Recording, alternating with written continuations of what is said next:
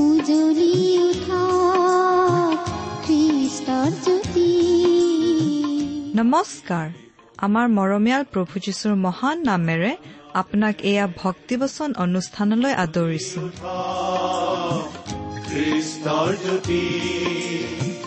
আকাশ বতাহ মুখৰিত কৰি গাঁও সবে মিলি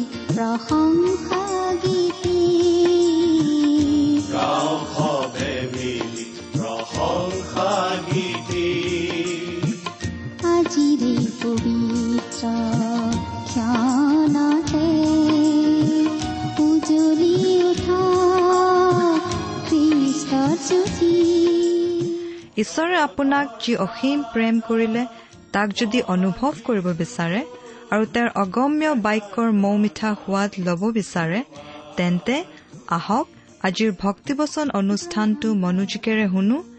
এয়া আপোনালৈ আগবঢ়াইছো ঈশ্বৰৰ জীৱন্ত বাক্যৰ অনুষ্ঠান ভক্তিবচন। আমাৰ পৰম পবিত্ৰ প্ৰভু যীশুখ্ৰীষ্টৰ নামত নমস্কাৰ প্ৰিয় শ্ৰোতা। আপোনাৰ ভালনে বাৰু? আশা কৰোঁ পৰম পিতা পৰমেশ্বৰৰ মহান অনুগ্ৰহত আপুনি ভালে কুশলে আছে। এয়া আকৌ আপোনালোকৰ ওচৰলৈ আহিছোঁ। বাইবেল অধ্যয়নৰ অসমীয়া অনুষ্ঠান ভক্তিবচনৰ যোগেৰে।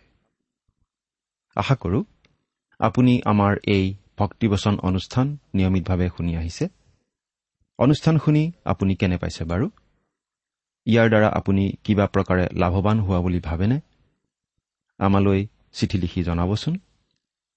আপোনাৰ দিহা পৰামৰ্শ মতামত গঠনমূলক সমালোচনা আদি পালেহে আমি আমাৰ এই অনুষ্ঠান অধিক মনোগ্ৰাহী কৰি তুলিবলৈ চেষ্টা চলাব পাৰিম। প্ৰভু যীশুখ্ৰীষ্ট সম্বন্ধেও কিবা জানিবলগীয়া কথা থাকিলে আমালৈ লিখিব পাৰে। আপোনালোকৰ পৰা পোৱা চিঠি পত্ৰই আমাৰ উৎসাহ উদ্দীপনাৰ উৎসৰ নিচিনা। আমাৰ ঠিকনা? ভক্তিবচন টি ডব্লিউ আৰ ইণ্ডিয়া ডাক বাকচ নম্বৰ সাত শূন্য গুৱাহাটী সাত আঠ এক শূন্য শূন্য এক। ভক্তিবচন T W R India postbox number seventy Guwahati seven eight one zero' zero' one. আমাৰ website W W W dot radio' eight eight two dot com প্ৰিয় শ্ৰোতা আপুনি যদি আমাৰ এই ভক্তিপোচন অনুষ্ঠান নিয়মিতভাৱে শুনি আছে তেনেহ'লে আপুনি নিশ্চয় জানে যে আমি আজি কিছুদিন ধৰি বাইবেলৰ নতুন নিয়ম খণ্ডৰ পৰা জোহনৰ প্ৰথম পত্ৰ বা চমুকৈ প্ৰথম জোহন নামৰ পুস্তকখন অধ্যয়ন কৰি আছো। নহয়নে বাৰু? যোৱা অনুষ্ঠানত আমি এই প্ৰথম জোহন পুস্তকৰ তিনি নম্বৰ অধ্যায়ৰ সাত নম্বৰ পদলৈকে পঢ়ি আমাৰ আলোচনা আগবঢ়াইছিলো। আজিৰ অনুষ্ঠানত আমি আঠ নম্বৰ পদৰ পৰা অধ্যয়ন আৰম্ভ কৰিব খুজিছো। আহকচোন আমাৰ আজিৰ বাইবেল অধ্যয়ন আৰম্ভ কৰাৰ আগতে পৰম পিতা পৰমেশ্বৰৰ ওচৰত প্ৰাৰ্থনাত মূৰ্ণত কৰোঁ হওক। আমি প্ৰাৰ্থনা কৰোঁ। হে আমাৰ স্বৰ্গত থকা অসীম দয়ালু পিতৃ ঈশ্বৰ তোমাৰ মহান নামৰ ধন্যবাদ কৰোঁ। তোমাৰ গৌৰৱ মহিমা সকলো ঠাইতে বিয়পি পৰক।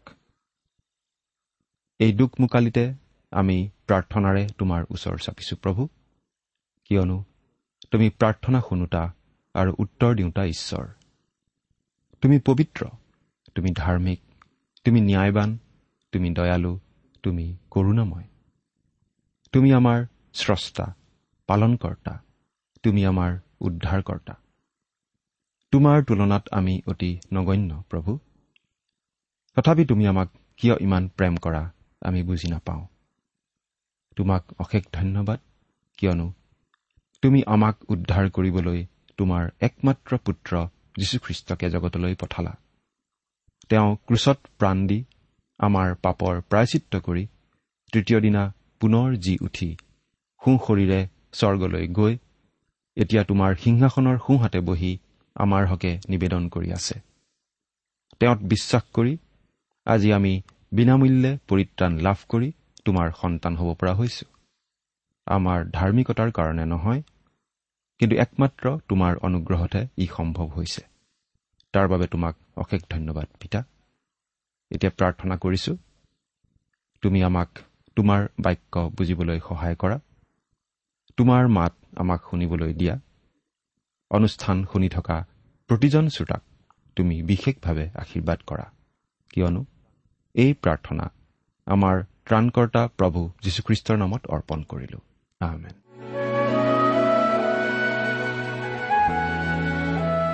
প্ৰিয় শ্ৰোতা আহক এতিয়া বাইবেল আলোচনালৈ আগবাঢ়ো হওক যোৱা অনুষ্ঠানত আমি এই প্ৰথম জোহন পুস্তকখনৰ তিনি নম্বৰ অধ্যায়ৰ সাত নম্বৰ পদলৈকে আমাৰ আলোচনা আগবঢ়াই নিছিলো। আপোনাৰ নিশ্চয় মনত আছে? গতিকে এতিয়া আমি চাব খুজিছো এই প্ৰথম জোহন পুস্তকৰ তিনি নম্বৰ অধ্যায়ৰ আঠ নম্বৰ পদৰ পৰা একেলগে দহ নম্বৰ পদলৈকে আমি বাইবেলৰ পৰা পাঠ কৰি দিম। আপোনাৰ বাইবেলখন মেলি লৈছেনে বাৰু? প্ৰথম জোহন তিনি অধ্যায় আঠ পদ। যিকোনোৱে পাপ আচৰণ কৰে তেওঁ ছয়তানৰ। কিয়নো ছয়তানে আদিৰে পৰা পাপ কৰি আছে। ছয়তানৰ কৰ্ম লুপ্ত কৰিবৰ কাৰণেই ঈশ্বৰৰ পুত্ৰ প্ৰকাশিত হ'ল। যিকোনোৱে পাপ আচৰণ কৰে তেওঁ ছয়তানৰ। আমি এই কথাটো মনত ৰখা উচিত যে ছয়তানেই হৈছে সকলো পাপৰ মূল।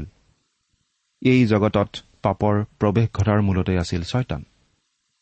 প্ৰথম মানৱ দম্পতী আদম আৰু হৱাক পাপত পতিত কৰিছিল এই ছয়তানেই গতিকে আজি যে আমি জন্মগতভাৱে স্বভাৱগতভাৱে পাপী তাৰ মূলতেই ছয়তান যিকোনোৱে পাপ আচৰণ কৰে তেওঁ ছয়তানৰ প্ৰভু যীশুৱে সেই কালৰ ধৰ্মীয় নেতাবিলাকক কি কৈছিল আপোনাৰ মনত আছেনে বাৰু? বাইবেলত আমি পাওঁ যে প্ৰভু যীশুৱে ধৰ্মীয় নেতাবোৰক এনেদৰে কৈছিল। তোমালোক তোমালোকৰ পিতৃ ছয়তানৰ পৰাহে হলা। আৰু তোমালোকৰ সেই পিতৃৰ অভিলাষ পূৰ কৰিবলৈহে ইচ্ছা কৰা। সি আদিৰে পৰা নৰবধি আৰু সত্যত নাথাকে।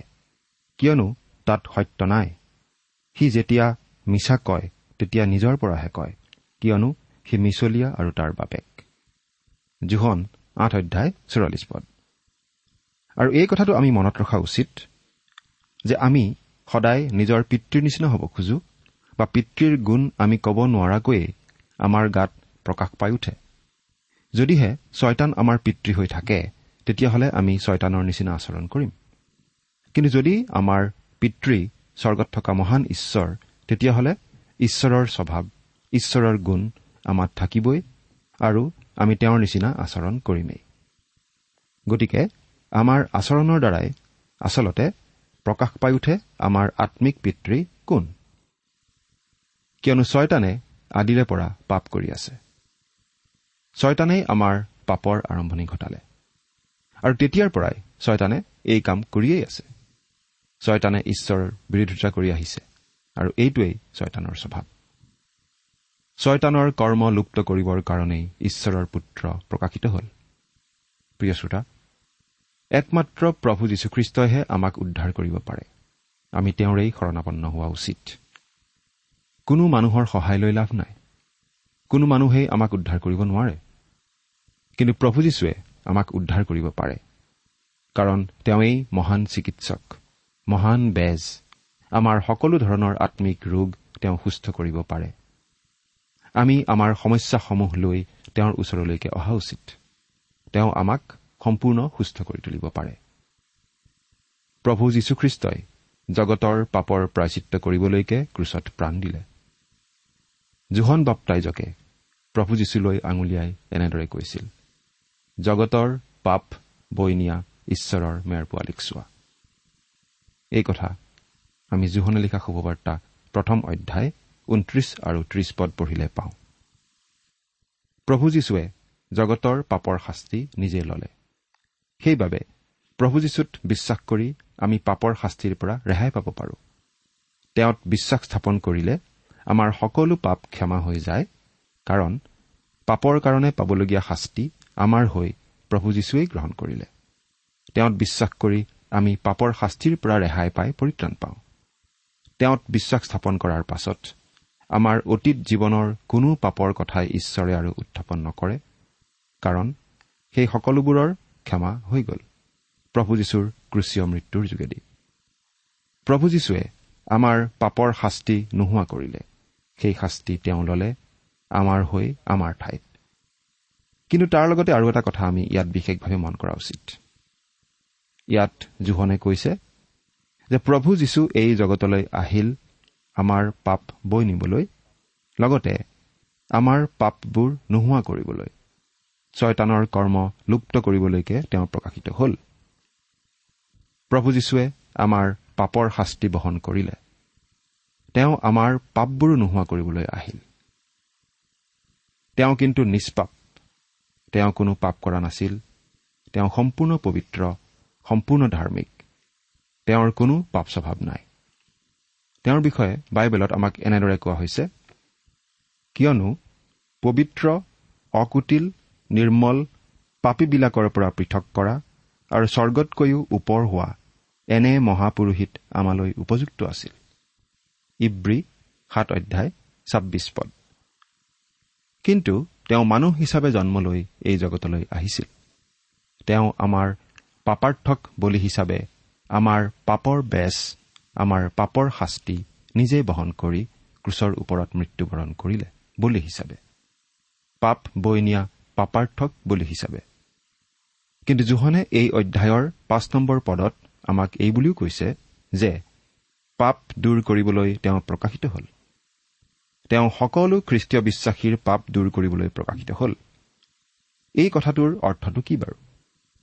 তেওঁ আমাৰ পাপৰ শাস্তি নোহোৱা কৰিলে। এই কথাটো আমি সহজে বুজি পাওঁ। কিন্তু তেওঁ আমাৰ পাপ দূৰ কৰিলে বুলি ক'লে আমি বাৰু কি বুজো? তেওঁ আমাৰ পাপ দূৰ কৰিবলৈ আহিল। অৰ্থাৎ আমি পাপ নকৰাকৈ যাতে চলিব পাৰোঁ সেইটো তেওঁ সম্ভৱ কৰি তুলিব পাৰে। পাপ আচৰণ নকৰাকৈ আমি যাতে খ্ৰীষ্টিয়ান জীৱন যাপন কৰিব পাৰোঁ সেইটো তেওঁ আমাৰ বাবে সম্ভৱপৰ কৰিব পাৰে। এই কথাটো আমি অলপ গুৰুত্ব সহকাৰে চিন্তা কৰি চোৱা উচিত। আমি ইতিমধ্যে আলোচনা কৰি আহিছো যে খ্ৰীষ্টীয় বিশ্বাসীসকলৰ দুটা প্ৰকৃতি থাকে দুটা স্বভাৱ থাকে। এই বিষয়টো পাচনি পৌলে ৰোমিয়া সাত নম্বৰ অধ্যায়ত বহলভাৱে আলোচনা কৰিছে। আমি খ্ৰীষ্টক ত্ৰাণকৰ্তা বুলি গ্ৰহণ কৰাৰ লগে লগে আম্মিকভাৱে নতুন জন্ম লাভ কৰোঁ আৰু এটা নতুন প্ৰকৃতি এটা নতুন স্বভাৱ লাভ কৰোঁ। এই নতুন প্ৰকৃতিটোৱে সদায় ভাল কাম কৰিব বিচাৰে। সদায় ঈশ্বৰক সন্তুষ্ট কৰিব বিচাৰে। কিন্তু পুৰণি প্ৰকৃতিটোৱে তাৰ বিপৰীত আচৰণ কৰিব বিচাৰে। পুৰণি প্ৰকৃতিটোৱে ঈশ্বৰক সেৱা কৰিব নিবিচাৰে। পুৰণি প্ৰকৃতিটো ঈশ্বৰ বিৰোধী। গতিকে আমি আম্মিকভাৱে নতুন জন্ম লাভ কৰি নতুন প্ৰকৃতি লাভ নকৰিলে আমাৰ পুৰণি প্ৰকৃতিৰে কেতিয়াও ঈশ্বৰক সন্তুষ্ট কৰিব নোৱাৰো। পাচনি পৌলে এই বুলি কৈছিল কিন্তু ঈশ্বৰৰ আত্মা যদি তোমালোকৰ অন্তৰত থাকে তেন্তে তোমালোক মাংসৰ বশত নহয় আত্মাৰ বশতহে আছা। ইয়াত আচলতে কোনো চৰ্ত দিয়া হোৱা নাই কিন্তু ইয়াত এটা সত্য কথাহে প্ৰকাশ কৰা হৈছে। খ্ৰীষ্টীয় বিশ্বাসীসকলক পাচনি পৌলে এই বুলি কৈছে যিহেতু তোমালোক খ্ৰীষ্টীয় বিশ্বাসী যিহেতু তোমালোক নতুন জন্ম পোৱা লোক যিহেতু তোমালোকত ঈশ্বৰৰ আত্মা নিবাস কৰে তোমালোক আত্মাৰ বশত আছা। কিন্তু যিজনত খ্ৰীষ্টৰ আত্মা নাই তেওঁ খ্ৰীষ্টৰ নহয়। ৰুমিয়া আঠ অধ্যায় ন পদ পঢ়িলে আমি এনেকৈ পাওঁ। ইয়াত আমি এটা কথা অতি স্পষ্টভাৱে জনাই দিব খুজিছো যে এই কথাখিনি আম্মিকভাৱে নতুন জন্ম লাভ কৰা খ্ৰীষ্টীয় বিশ্বাসীসকলৰ বিষয়েহে কোৱা হৈছে। নিজকে এনেই খ্ৰীষ্টিয়ান বুলি কৈ ফুৰা নামধাৰী খ্ৰীষ্টিয়ানৰ কথা ইয়াত কোৱা হোৱা নাই। খ্ৰীষ্টীয় মণ্ডলীৰ সভ্য হলেই নহ'ব বা প্ৰকৃত অৰ্থত খ্ৰীষ্টক বিশ্বাস কৰি গ্ৰহণ নকৰাকৈ এনেই বাপ্তিস্ম গ্ৰহণ কৰিলেই নহ'ব বা কিবা কিবি ৰীতি নীতি পালন কৰি কোনো এটা বিশেষ ব্যৱস্থাৰ অধীন হলেই নহ'ব। ইয়াত আমি সেইসকল লোকৰ কথাই বুজাইছো যিসকল লোকে প্ৰকৃত অৰ্থত খ্ৰীষ্টক ত্ৰাণকৰ্তা বুলি গ্ৰহণ কৰি আম্মিক নতুন জন্ম লাভ কৰিছে ঈশ্বৰৰ সন্তান হৈছে। প্ৰভু যীশু প্ৰকাশিত হ'ল ছয়তানৰ কৰ্মবোৰ লুপ্ত কৰিবলৈ যাতে তেওঁত বিশ্বাস কৰি আমি পবিত্ৰ জীৱন যাপন কৰিব পাৰোঁ। প্ৰকৃত অৰ্থত জয়যুক্ত খ্ৰীষ্টীয় জীৱন যাপন কৰিব পাৰোঁ। এই কথাটো আমি মনত ৰখা উচিত। আৰু জয়যুক্ত খ্ৰীষ্টীয় জীৱন যাপন কৰিবলৈ প্ৰভু যীশুখ্ৰীষ্টৰ পৰা সহায় ভিক্ষা কৰা উচিত। এতিয়া আমি ন নম্বৰ পদটো পাঠ কৰি দিম। যিকোনো ঈশ্বৰৰ পৰা জন্ম পোৱা হয় তেওঁ পাপ আচৰণ নকৰে কাৰণ ঈশ্বৰৰ বীজ তেওঁৰ অন্তৰত থাকে আৰু তেওঁ পাপ কৰিব নোৱাৰে কাৰণ ঈশ্বৰৰ পৰা তেওঁৰ জন্ম হ'ল। যিকোনো ঈশ্বৰৰ পৰা জন্ম পোৱা হয়। আমি যি নতুন জন্মৰ কথা কৈ আহিছো সেই নতুন জন্মৰ কথাকে ইয়াত বুজোৱা হৈছে। প্ৰভু যীশুৱে নিকডিম নামৰ এজন ধৰ্মগুৰুকো এই বুলিয়েই কৈছিল। তেতিয়াও প্ৰভু যীশুৱে এই কথাটোকে বুজাইছিল। আমি আম্মিকভাৱে নতুন জন্ম পাব লাগে আৰু এই নতুন জন্ম আমি পাওঁ ঈশ্বৰৰ পৰা। আমি ঈশ্বৰৰ পৰা জন্ম পালে ঈশ্বৰৰ সন্তান হৈ পৰো।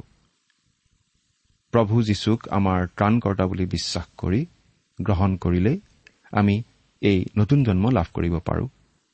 আৰু এই কামটো ঈশ্বৰেই কৰে পবিত্ৰ আত্মাৰ শক্তিৰে। যিকোনো ঈশ্বৰৰ পৰা জন্ম পোৱা হয় তেওঁ পাপ আচৰণ নকৰে। ঈশ্বৰৰ সন্তানে এটা নতুন প্ৰকৃতি লাভ কৰে।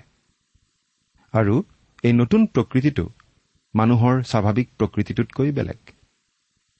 এই নতুন প্ৰকৃতিটোৱে পাপ কৰিব নিবিচাৰে। পাপলৈ হাবিয়াস নকৰে পাপ নকৰে। আমি অপব্যয় পুত্ৰৰ উদাহৰণটো আকৌ দিব খুজিছো। অপব্যয় পুত্ৰই পিতৃৰ পৰা আঁতৰি গৈ গাহৰিৰ গঁড়ালত থাকিব লগা অৱস্থা হৈছিল। কিন্তু তেওঁ আকৌ পিতৃৰ ওচৰলৈ উভতি আহিছিল। সেই অপব্যয় পুত্ৰই গাহৰিৰ গঁড়ালত থাকিব নোৱাৰিলে কাৰণ তেওঁ গাহৰি নহয়। তেওঁ আছিল পিতৃৰ সন্তান।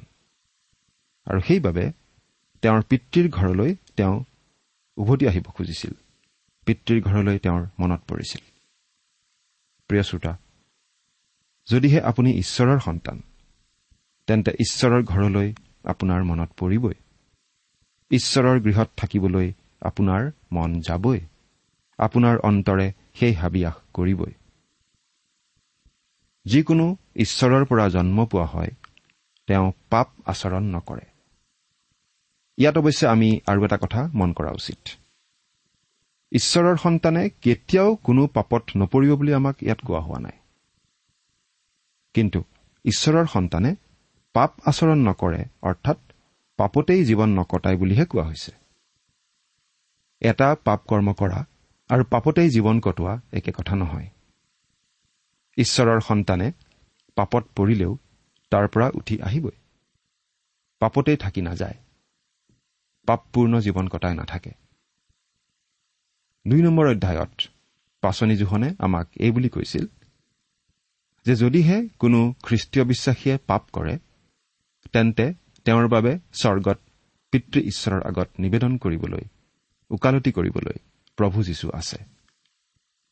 অৰ্থাৎ খ্ৰীষ্টীয় বিশ্বাসীজনে কেতিয়াবা ভুল কৰিব পাৰে।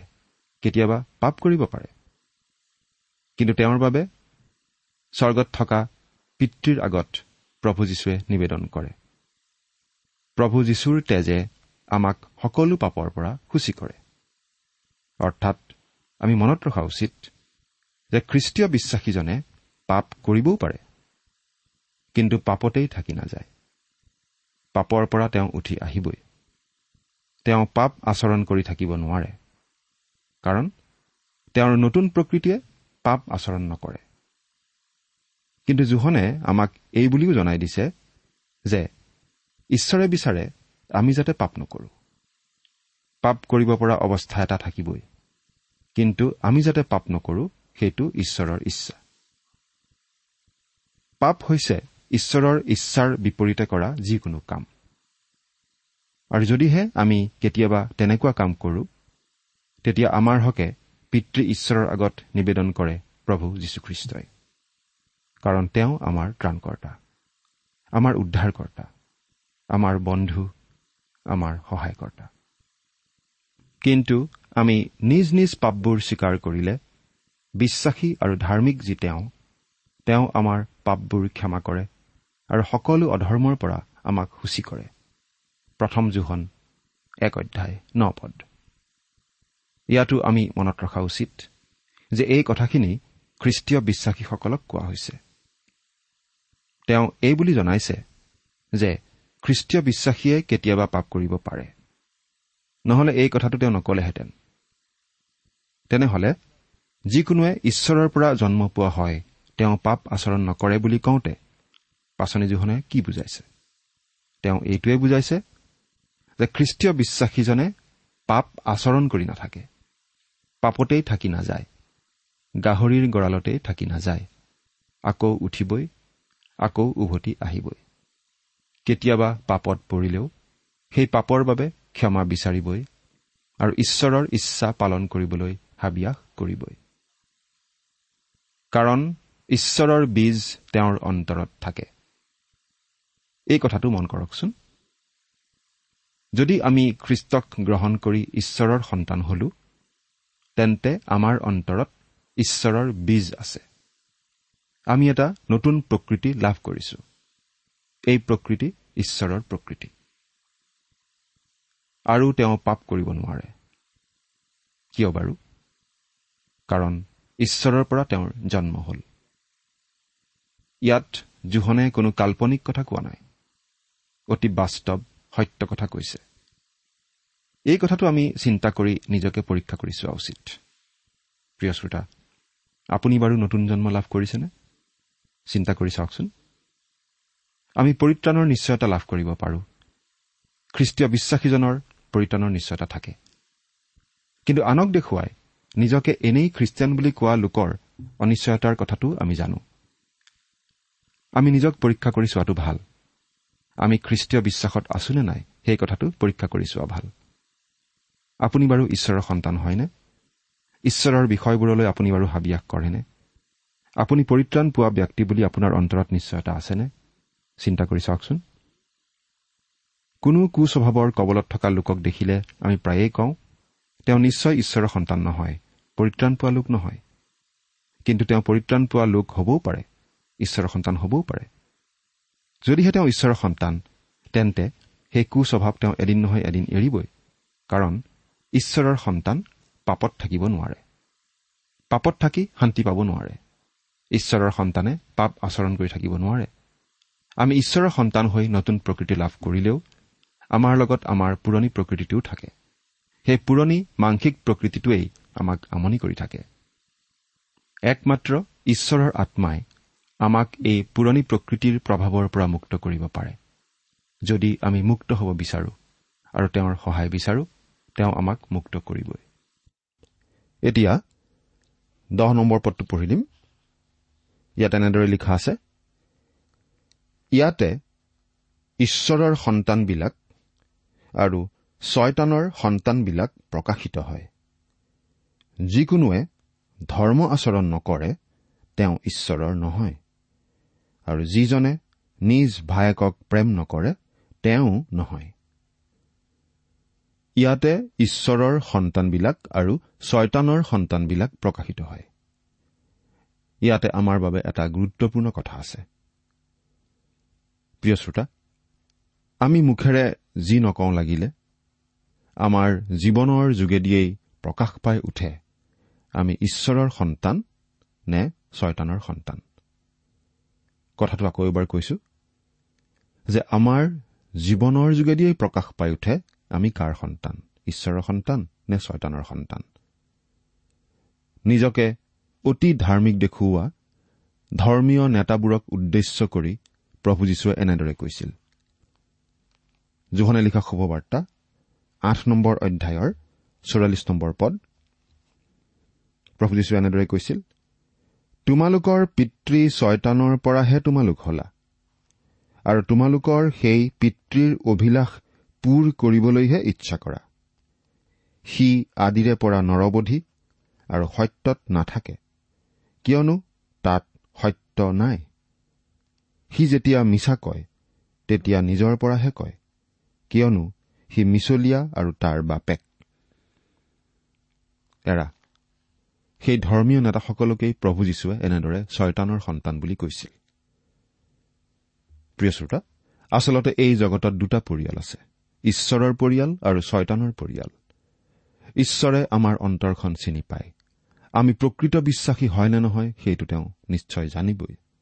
কিন্তু আন মানুহেও জানিব পাৰে আমি ঈশ্বৰৰ সন্তান হয় নে নহয়। আমাৰ জীৱনৰ দ্বাৰা আমাৰ আচৰণৰ দ্বাৰা আন মানুহে আমাক চিনি পাব পাৰে। প্ৰভু যীশুৱে এই বুলি কৈছিল মুঠিয়া লিখা শুভবাৰ্তা সাত নম্বৰ অধ্যায়ৰ বিশ নম্বৰ পদত আমি পঢ়িবলৈ পাওঁ। প্ৰভু যীশুৱে কি কৈছিল? এতেকে তোমালোকে ফলৰ দ্বাৰাই সিহঁতক চিনিবা। যিকোনোৱে ধৰ্ম আচৰণ নকৰে তেওঁ ঈশ্বৰৰ নহয়। আৰু যিজনে নিজ ভায়েকক প্ৰেম নকৰে তেওঁও নহয়। এৰা আমি মুখেৰে ডাঙৰ ডাঙৰ কথা ক'ব পাৰোঁ। আনৰ আগত আমি নিজকে বিৰাট ধাৰ্মিক যেন দেখুৱাই ফুৰিব পাৰোঁ। কিন্তু আমাৰ কাৰ্য আমাৰ আচৰণৰ দ্বাৰাই প্ৰকাশ পাই উঠিবই। আমি প্ৰকৃততে ঈশ্বৰৰ সন্তান হয় নে নহয়? যদিহে আমি ঈশ্বৰৰ সন্তান নহয় তেতিয়াহ'লে ছয়তানৰ সন্তান। প্ৰিয় শ্ৰোতা এই প্ৰশ্নটো আপুনি নিজকে কৰি চাওকচোন। আপুনি প্ৰভু যীশুক বিশ্বাস কৰি ঈশ্বৰৰ সন্তান হৈছে নে নাই? যদিহে আপুনি ঈশ্বৰৰ সন্তান হৈছে সেই কথাটো আপোনাৰ জীৱনত কাৰ্যৰ যোগেৰে প্ৰকাশ পাই উঠিছেনে? চিন্তা কৰি চাওকচোন।